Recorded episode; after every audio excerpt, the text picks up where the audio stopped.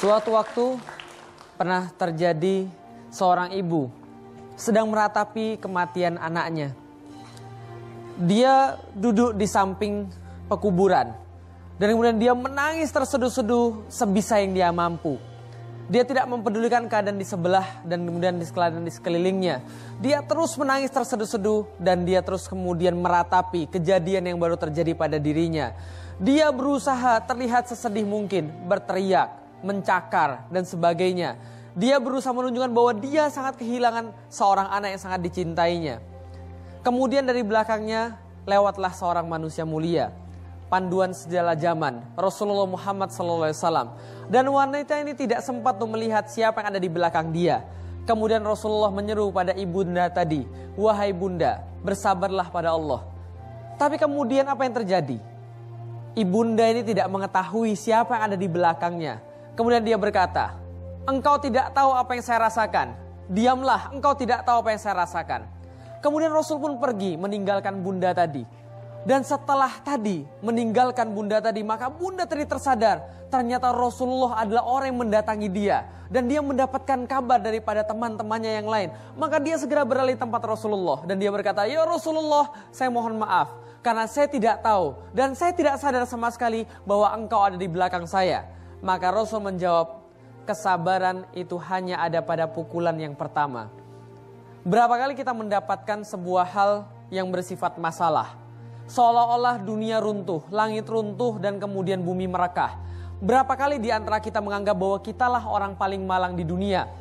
Padahal Rasulullah pernah bersabda, seandainya ada manusia yang mendapatkan cobaan paling berat, mendapatkan ujian paling berat karena dia mendapatkan tolakan daripada umatnya, mendapatkan kesengsaraan daripada umatnya, maka Rasul melanjutkan, orang itu adalah aku. Tidak ada orang yang pernah mendapatkan cacian sebagaimana Rasulullah mendapatkan cacian. Tidak ada seseorang yang mendapatkan hinaan sebagaimana Rasul mendapatkan hinaan.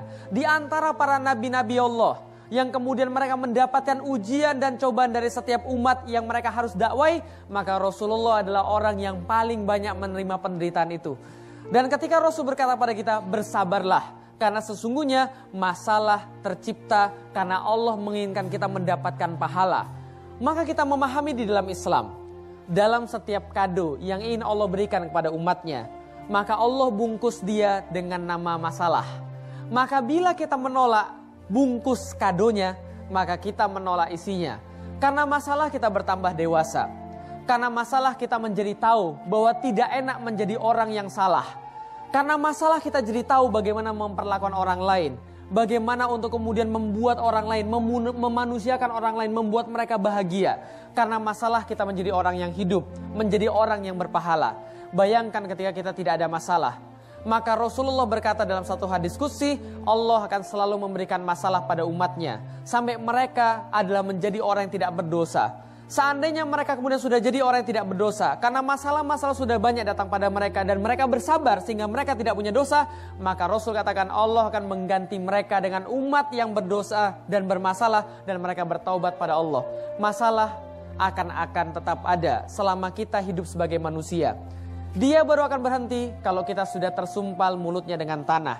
Karena itu masalah adalah disikapi dengan bijaksana, bukan dijadikan sebagai masalah yang baru, bukan lari darinya. Karena itu kita punya masalah yang baru lagi, menghadapi masalah dengan bijak.